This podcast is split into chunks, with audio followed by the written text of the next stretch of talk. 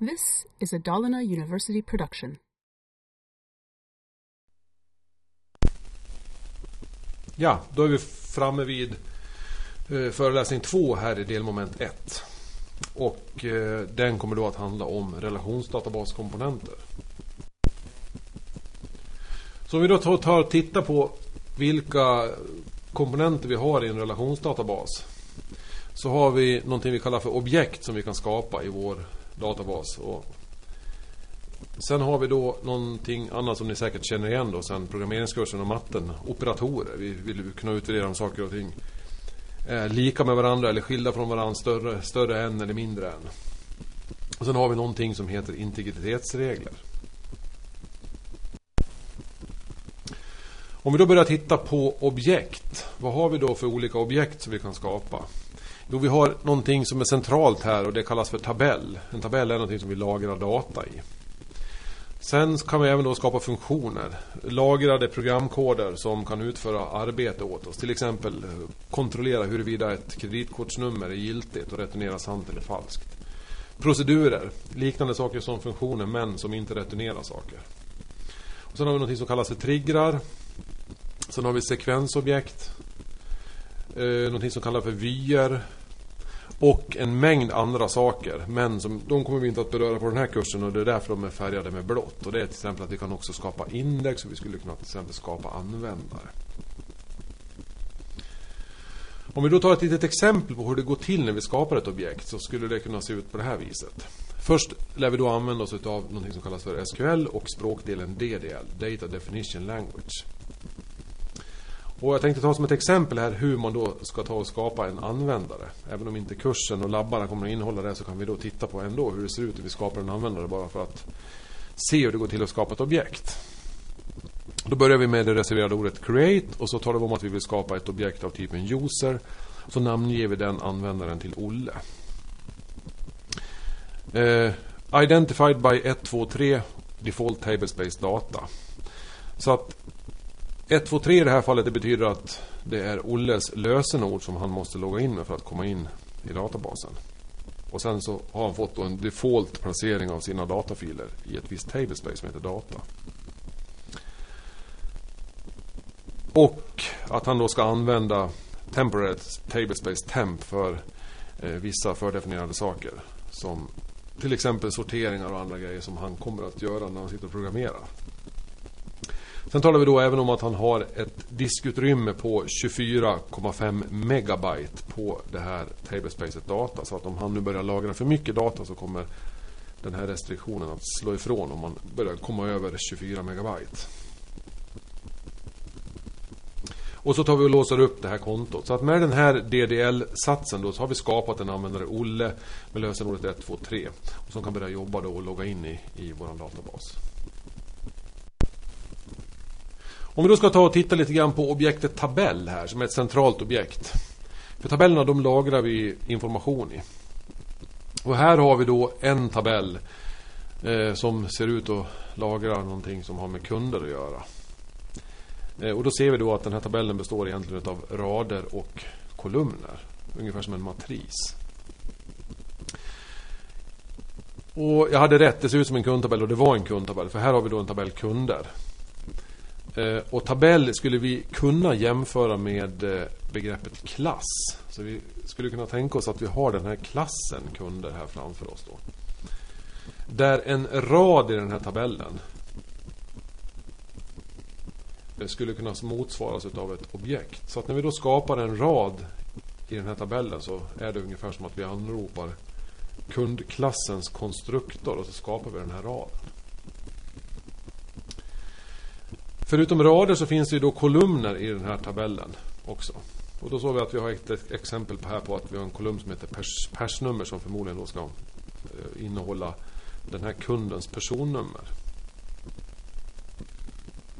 Och kolumner här är av olika datatyper. Till exempel så har vi ju regdatum här som är av datatypen date, ett datumformat. Eh, sen har vi då andra typer av kolumner då som skulle kunna vara number. Till exempel det här kund-nr längst till vänster är nog förmodligen number. Och sen har vi varchar 2, det vill säga teckensträngar. Och då ser vi då att förnamn, efternamn och password. Mobiltelefonnummer är också förmodligen då typer utav datatypen varchar 2 här. Det som dyker upp här då är något som vi kallar för cell, det vill säga korsningen mellan rad och kolumn och det är den minsta eh, enheten då när vi tittar på ett tabellobjekt. Sen i vissa fall då så dyker det upp något som vi kallar för nullvärden. Som ni såg i den där kolumnen som fick null i sig så såg det ut som att det var en tom en tomt cell och förmodligen var det att kund nummer 125 370 då saknade mobiltelefon. Det skulle kunna ha varit jag då, eftersom jag inte har någon mobiltelefon. Så att ända tills dess att den personen då köper sig en mobil så får vi tills dess då ha ett nullvärde lagrat i den kolumnen. Och vad är då null för någonting? Ja, null är definitivt inte samma sak som noll. Och null är inte heller lika med null. Men vad är då null för konstig, konstig sak? Null är något som inte är definierat. Vi skulle kunna jämföra med mattens 1 dividerat med 0. Det är ju inte definierat. Så vad blir då om vi tar ett räkneexempel och tar 100 plus 0? Vad skulle det kunna tänkas bli? Ja, man lockas ju tro att det här ska då bli 100. Men om vi då tar 100 och lägger till någonting odefinierat så borde vi få någonting också då tillbaka som inte är definierat. Så att 100 plus 0, det skulle bli 0 i sådana fall. Och det är då väldigt lätt att vi blandar ihop de här nullvärdena med någonting som kallas för non-breaking space. Som man lägger in i en HTML-tabell när man vill ha en tom cell. Men non-breaking space är inte ett nullvärde utan non-breaking space har faktiskt värdet 32 i ASCII-tabellen. Det vill säga blank space eller blanksteg. Rubriken på den här PowerPoint-sliden är synonymer.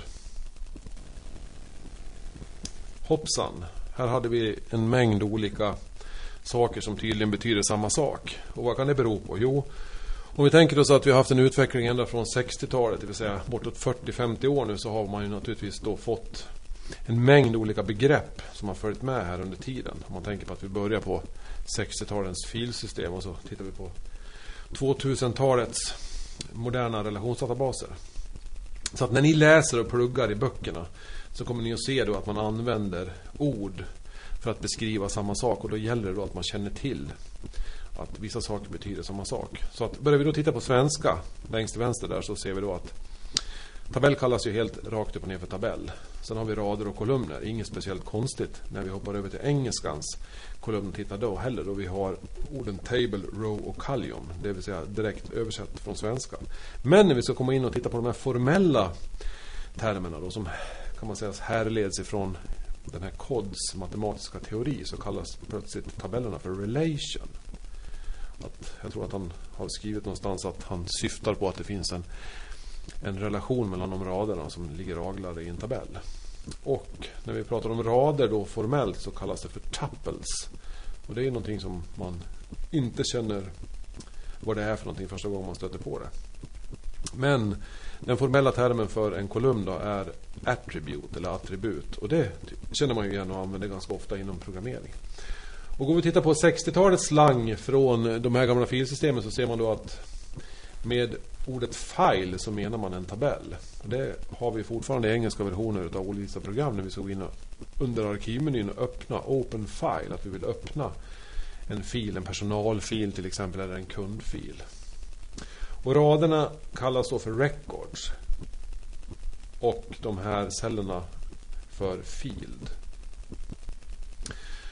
Och eh, man använder och blandar de här olika sakerna. Ibland brukar man prata om table men sen i vissa olika typer av programvaror så kan man då klicka på knappar och trycka på create record till exempel att man ska skapa rader. Så det gäller då att man känner till att de här synonymerna existerar så att man inte tappar bort sig.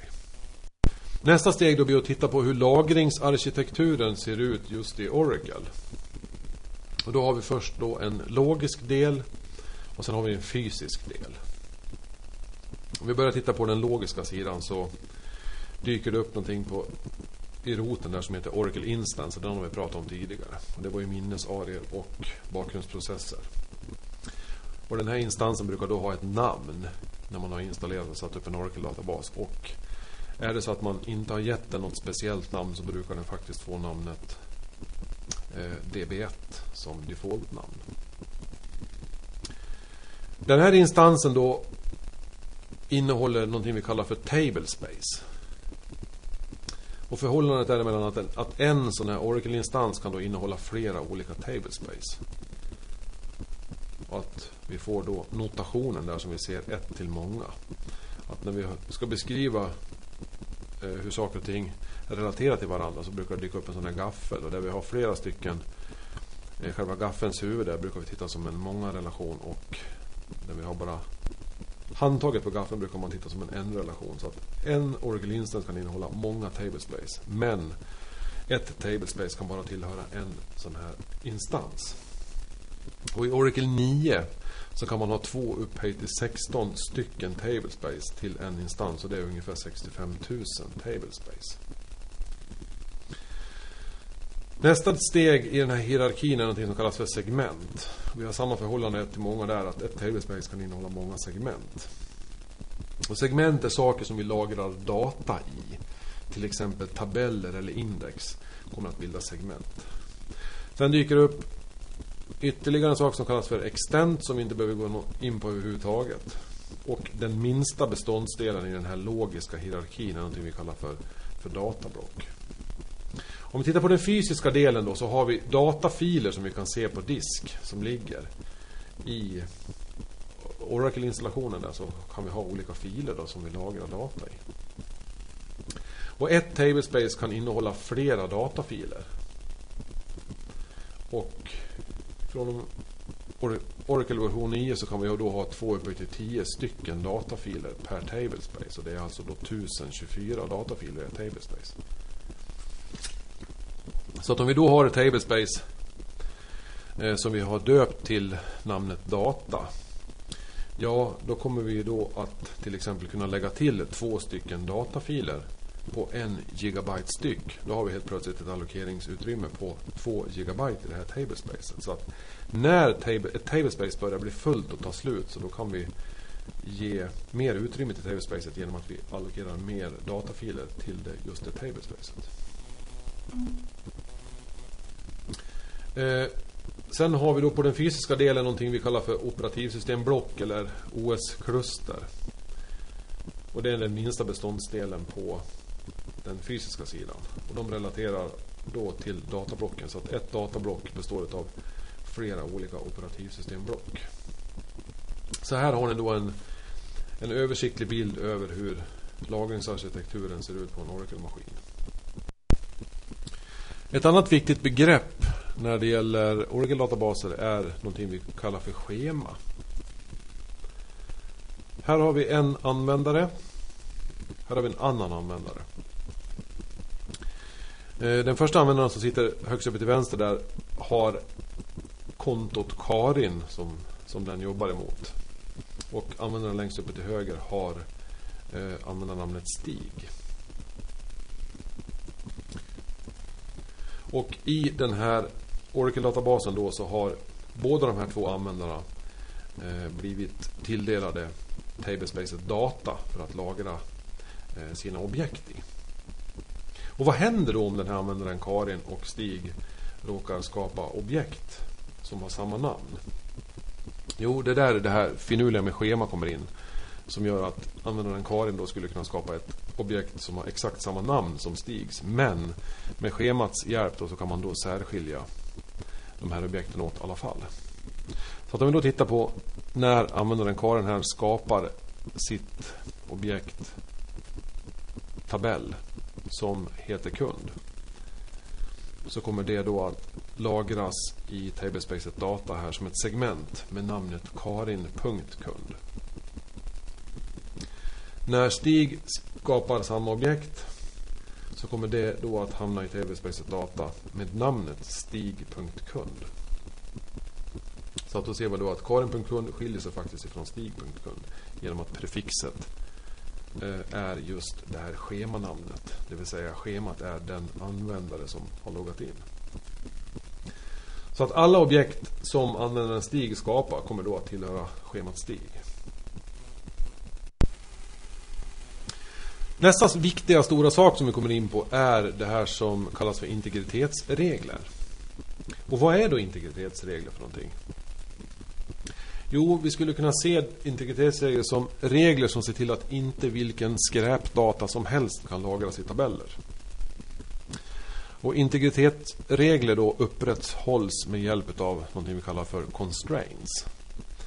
Eh, om vi tänker på integritetsregler när vi är eh, ibland människor här så så skulle en integritetsregel kunna vara det att om vi nu ska försöka ha något affärsuppgörelse med någon affärsman ifrån Japan så kanske det inte är så bra om vi ställer oss två centimeter från den här japanens ansikte och pratar eftersom den personen då skulle kunna bli extremt irriterad på oss eftersom den känner sig då att vi har kränkt deras integritet. På samma sätt kan vi då sätta upp integritetsregler i databasen. Och vi har fem stycken olika typer av constraints för tabeller som vi kan använda för att sätta upp våra integritetsregler. Den första är någonting vi kallar för primary key. Den andra någonting som vi kallar för foreign key. Den tredje är någonting som kallas för check constraints. Och sen har vi en unique constraint och en constraint som heter not null. Så om vi då börjar titta på primary key så ska vi ta och kolla på ett exempel här. Primary key förkortas PK och på svenska så kallar vi den för primärnyckel. Och hur ska vi då göra när vi ska skapa en primärnyckel? Jo, första punkten. Vi väljer en eller i vissa fall fler kolumner som ska vara identifierande eh, för en rad i den här tabellen. Och ibland så behöver vi undvika att ha så kallade komposita primärnycklar eftersom det kan bli lite, lite jobbigt när vi ska referera in komposita nycklar som främmande nycklar i andra tabeller och behöver skicka med en tre, fyra kolumner. Så att jag brukar sträva efter att oftast att man då ska ha en kolumn som unik identifierar. Och ett attributvärde då i en primary key-kolumn får aldrig vara null. Utan den måste alltid finnas ett värde för den där. Och ett attributvärde i en primärnyckelkolumn måste vara unikt i den här PK-kolumnen. Så om vi då tar och tittar på ett exempel här. Så att här har vi då en tabell som heter kund. Och vi har då valt kolumnen kundnummer att vara den identifierade primärnyckelkolumnen. Så att då kommer det aldrig att finnas två kundnummer i den här tabellen då som är lika utan varje sånt där kundnummer är unikt inom den här tabellen. Och när vi då skapar ett kundobjekt så kan vi inte ha ett nullvärde i kundnummerkolumnen. Men vi kan ha det till exempel i vår mobiltelefonskolumn men aldrig i den unika eh, identifierande primärnyckelkolumnen. Och vi skulle också kunna skapa en tabell utan att deklarera en primärnyckel. Men det anses, anses allmänt som poor practice och skall undvikas. Om jag då får citera Oracles utvecklare. Nästa constraints är någonting som vi kallar för foreign key eller främmande nyckel. Eh, foreign key, främmande nyckel. Jag ska åskådliggöra det här genom att eh, vi tittar på ett exempel. Då har vi någonting först här som vi kallar för parent table. Och vi har en tabell då som heter avdelning här. Med en primär nyckeldeklarerad kolumn som heter AVDNR som ska vara avdelningsnummer. Och sen finns det ytterligare en kolumn i den här tabellen då som heter avdelningsnamn. Så att avdelning 1 skulle till exempel kunna vara ekonomiavdelningen och avdelning 2 skulle kunna vara eh, marknadsföringsavdelningen och så vidare. Sen har vi då även ett child table som vi kallar det för som heter personal. Och som innehåller information om anställda. Och då har vi våran primärnyckel där med anställningsnummer. Sen har vi lite kolumner som förnamn, efternamn, lön som beskriver den här anställda. Men sen har vi en, en främmande nyckel.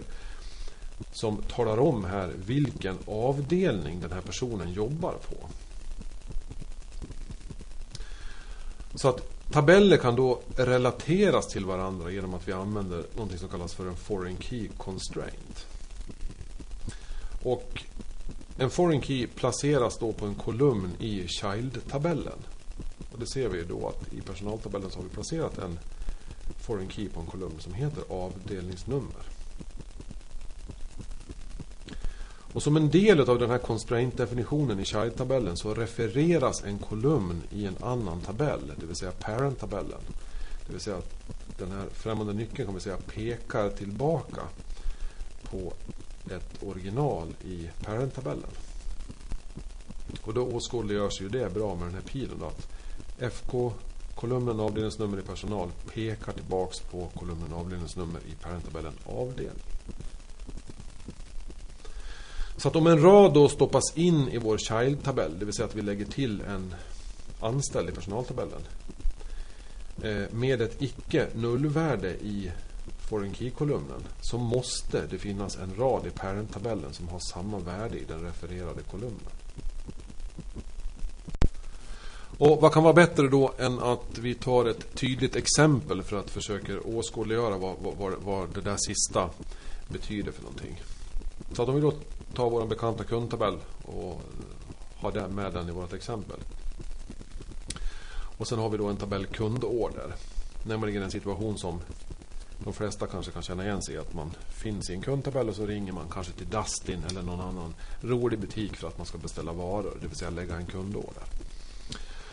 Så i vår kundtabell här då så har vi en kundnummerkolumn som är identifierande och som vi har kopplat constrainten primary key på.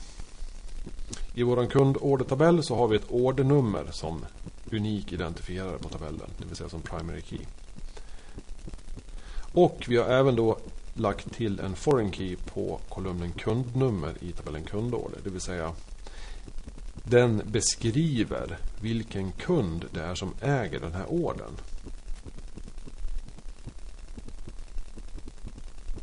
Så vi ser här i exemplet att order nummer 2256, ja den ägs av kund 125 369. Vilket är Karin Svensson om vi går upp och tittar i, i vår kundtabell. Så att då har vi då alltså en parent-tabell och en child-tabell. Så att om vi då stoppar i en ny rad i tabellen kundorder Insert into kundorder. Då talar vi om att vi vill lägga till en ny rad i tabellen kundorder. Och att vi avser att vi ska stoppa in värden till kolumnerna ordernummer, kundnummer, orderdatum och betaltyp. Och värdena vi stoppar in då i ordernummer det är 22696. Och sen så lägger vi till kundnummer 125 999 och sen drar vi systemdatumet ifrån databasserverns klocka. Och sen anger vi att den här ordern kommer då att betalas kontant. Kommer det här då att funka? Ja, det är väl som engelsmännen säger en trick question. Ja, det var det också. Nej, det här kommer ju inte att funka. Men varför kommer det inte att fungera då? Förmodligen kan man då misstänka att vi har gjort något fel här att, med den här referensen. Vi studerar här nu på insert inte kundorder så har vi då, vi försöker tala om att den här kundordern som vi, som vi då skapar kommer att tillhöra kund med kundnummer 125 999. Och vi ser då att giltiga värden för kolumnen kundorder.kundnummer finns i den mängd av värden som finns i kund.kundnummer. Och vad har vi då för giltiga värden i kolumnen kund.kundnummer? Jo, vi har 125 369. Och det ska då vara Karin Svensson. Sen har vi 125 370. Och det är Bo Ek. Och sen har vi en till kund. Vi hade bara tre stycken där. Och han har 125 372. Och det är någon som heter Hassan Flay. Så att vad blir då slutsatsen av det här? Jo, referensintegritet ser till att det inte finns nullpekare i databasen. Det vill säga, skulle vi ha kunnat lagt in kundnummer 125 999 där som ägare av den här nya kundordern. Ja, då skulle vi när vi hade packat den här ordern så skulle vi då titta i kundtabellen och plocka fram leveransadresser och lite saker och ting som vi ser vad vi ska skicka den här för kund 125 999. Då skulle vi ha blivit väldigt besvikna när vi ser att men vi har ingen 125 999. Den kunden existerar inte. Den pekar på, på, på noll. Va? Så att vi har inget sånt värde. Så att det är just det finurliga det här med referensintegritet att man då ser till att vi inte kommer att kunna lagra nullpekare i vårt system. Nästa constraint är någonting vi kallar för check. Exempel tabellen kundorder här. Så skulle vi kanske vilja ha vissa förutsagda värden på den här kolumnen betaltyp. Att vi vill inte kunna lagra vad som helst där. Eh, så att vi skulle då kunna koppla en check constraint till den här kolumnen betaltyp. Att vi vill ha två stycken giltiga värden bara. Vi vill antingen kunna hitta kontant eller kredit. Eh, man vill inte hitta strängen avbetalning i den här kolumnen för det kommer då inte att gå eftersom man då skulle göra violation emot sin check constraint. Så att i den här kolumnen kundorder.betaltyp så kommer vi endast att kunna laga, lagra teckensträngarna kontant och kredit med små bokstäver. Vi kommer alltså inte att kunna lagra kontant med versaler eller kredit stavat med stor bokstav först och sen små bokstäver eller en blandning med gemener och versaler. Vad beror det på då? Jo, därför att det sker en ASCII-matchning mot den här checkkonstrainten av innehållet i den här teckensträngen. Så att då börjar vi titta på att stora K har ju faktiskt ett annat ASCII-värde än lilla K. Lilla K har 107 och stora K har 75. Stora A har till exempel 65 och lilla A har 97. Så att den kommer in att gå in att titta på hur vi då har stavat med stora små bokstäver i checkconstrainten och göra en ASCII-matchning av det där. Och för er då som vill återuppleva eller repetera lite grann och titta i hur en ASCII-tabell ser ut så kan ni gå in och titta på askitabell.se. Ja, då har vi kommit fram till constrainten unik. Samma kundtabell dyker upp igen. Men vi ser då att vi hade ju faktiskt ytterligare en kolumn här som heter persnummer. Som är då ett vanligt svenskt personnummer. Som skulle ha kunnat kvalificerats att användas som primary key, det vill säga unikt identifierande. Ibland vill man dock inte använda personnummer eftersom det kanske inte alltid är så bra att skylta med personnummer på hyrkontrakt och sånt. Och folk kastar papper i papperskorgen och sånt. Så att man kanske vill gömma det här personnumret. Men för den saken skulle vill man ändå inte riskera att man skulle kunna hamna i situationer där man har dubbletter på personnumret. Då kommer constraintsen unik väl till hand. Utan ser man då att vissa kolumner som skulle kunna ha varit kandidater på att bli primärnycklarna men som inte används till det så tycker jag att man ska använda constraintsen unik kopplade till dem. Så att i kolumnen kundorder.persnummer kan det nu inte förekomma dubbletter när vi har kopplat vår unik constraints på den här kolumnen. Och i kolumnen kundorder.persnummer kan det faktiskt förekomma ett eller flera nullvärden. För det finns ju då eventuella kunder i det här systemet då, som kanske är någon videouthyrares kundregister som kanske inte har något personnummer. Eller vägrar uppge sitt personnummer. Och hur kan man då tillåta nullvärden i en kolumn? Ja, det följer av att null inte är lika med null. Så att skulle vi då ha en kolumn som enbart bara bestod av nullvärden så skulle man då ändå kunna säga att varje nullvärde är unikt eftersom det icke är definierbart. Så att unique constraints då kan skapas på flera kolumner. Att man kan låta till exempel en kombination av förnamn, e-namn och personnummer. Skulle man säga att den kombinationen måste alltid vara unik. Och det kallas för komposita nycklar. Men i regel så vill man då försöka undvika just de här komposita nycklarna. För att man då ska få en smidig hantering. Den sista constraintsen här som vi tar upp det är not null och den skiljer sig lite grann från de andra eftersom den här not null då är någonting vi kallar för en kolumn constraints och de andra fyra övriga som vi hittills har pratat om är någonting vi kallar för eh, tabell constraints.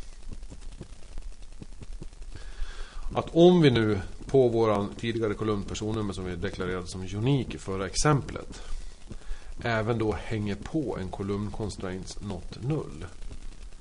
Så då har vi då sett till att det inte kan förekomma nullvärden i den kolumnen. Nu eftersom vi har både en unik och en constraint som heter not null. Och då en liten brasklack här om att vi ska observera att not null är den enda constraint som måste deklareras på kolumnnivå. Nästa del här nu handlar om konceptuella modeller. Och koncept vet ni vad det är från föreläsningen på delmoment. Föreläsning 1 på delmoment. På det här delmomentet med den här tankebilden. Så att vi pratar dels då om någonting vi kallar för objektmodeller som är modeller av verkligheten eller som det borde vara. Modeller av hur användaren faktiskt upplever den här verkligheten. Och vi skulle då kunna göra en objektmodell över praktiskt taget vad som helst. Till exempel ett banksystem. Eh, och då skulle vi kunna identifiera olika objekt. Eller koncept. Eller något som kallas för entitet eller klasser. Det vill säga alla de där sakerna är synonymer. Som är viktiga att modellera just i den här verksamheten. Och några exempel då. Om vi då tittar på ett banksystem är att viktiga entitet då skulle kunna vara att vi har ju kunder. Vi har olika konton. Vi har insättningar. Och vi har uttag. Vi har överföringar och så vidare. Saker som är relevanta i ett system som hanterar banktjänster. Och dels har vi någonting som kallas för datamodeller. Och eh, objektmodeller går då att transformera till datamodeller. Och datamodeller går sedan att stoppa in i en databas med Data Definition Language. När vi håller på och gör våra modeller som är ett, ett tålmodigt arbete så använder vi oss av fyra stycken grundbegrepp. Och de här grundbegreppen används för att vi ska tillverka våra konceptuella datamodeller. Grundbegrepp 1, någonting vi kallar för objekt. Och det är någonting fysiskt eller, fysiskt eller abstrakt som är värt att modellera. Och vi har ju pratat om kunder, vi har kundorder, vi har produkter, vi har en mängd olika saker. Eh, de här sakerna då som objekten, de har ju då egenskaper. Och det skulle då kunna vara allmänna eller identifierande egenskaper. Så att om vi nu till exempel ska modellera objektet bil här så har vi ju kanske identifierande egenskapen utav eh, registreringsnummer och allmänna egenskapen färg lika med röd. Eh, modell Volvo, det vill säga egenskaper som kan delas av flera olika objekt. Kallas för allmänna egenskaper. Sen kommer vi in på objektrelation. Det vill säga förhållande mellan olika objekt. Att en kund skulle till exempel kunna äga flera stycken olika eh, sådana här kundordrar. Medan en kundorder enbart kan tillhöra en kund och så vidare. Så att man då bygger upp och tittar på hur relationen mellan de här objekten eller klasserna ser ut. Och sen har vi då den fjärde grundbegreppet tid. Som vi då kan betrakta som tidspunkt, tidpunkter, absoluta tidpunkter eller tidsintervall. Och hur vi då kommer att betrakta tiden kommer då att påverka den här objektrelationen. Om jag då till exempel har en fordonsägare som eh, då vid en viss tidpunkt skulle kunna då äga flera bilar.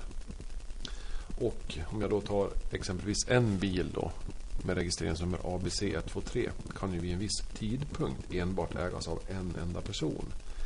Men om vi betraktar tiden som en tidsintervall, det vill säga så under perioden 1 januari år 1990 till 1 januari år 2001, det vill säga en 11-årsperiod, så kan ju den här bilen ABC ha ägts av flera personer.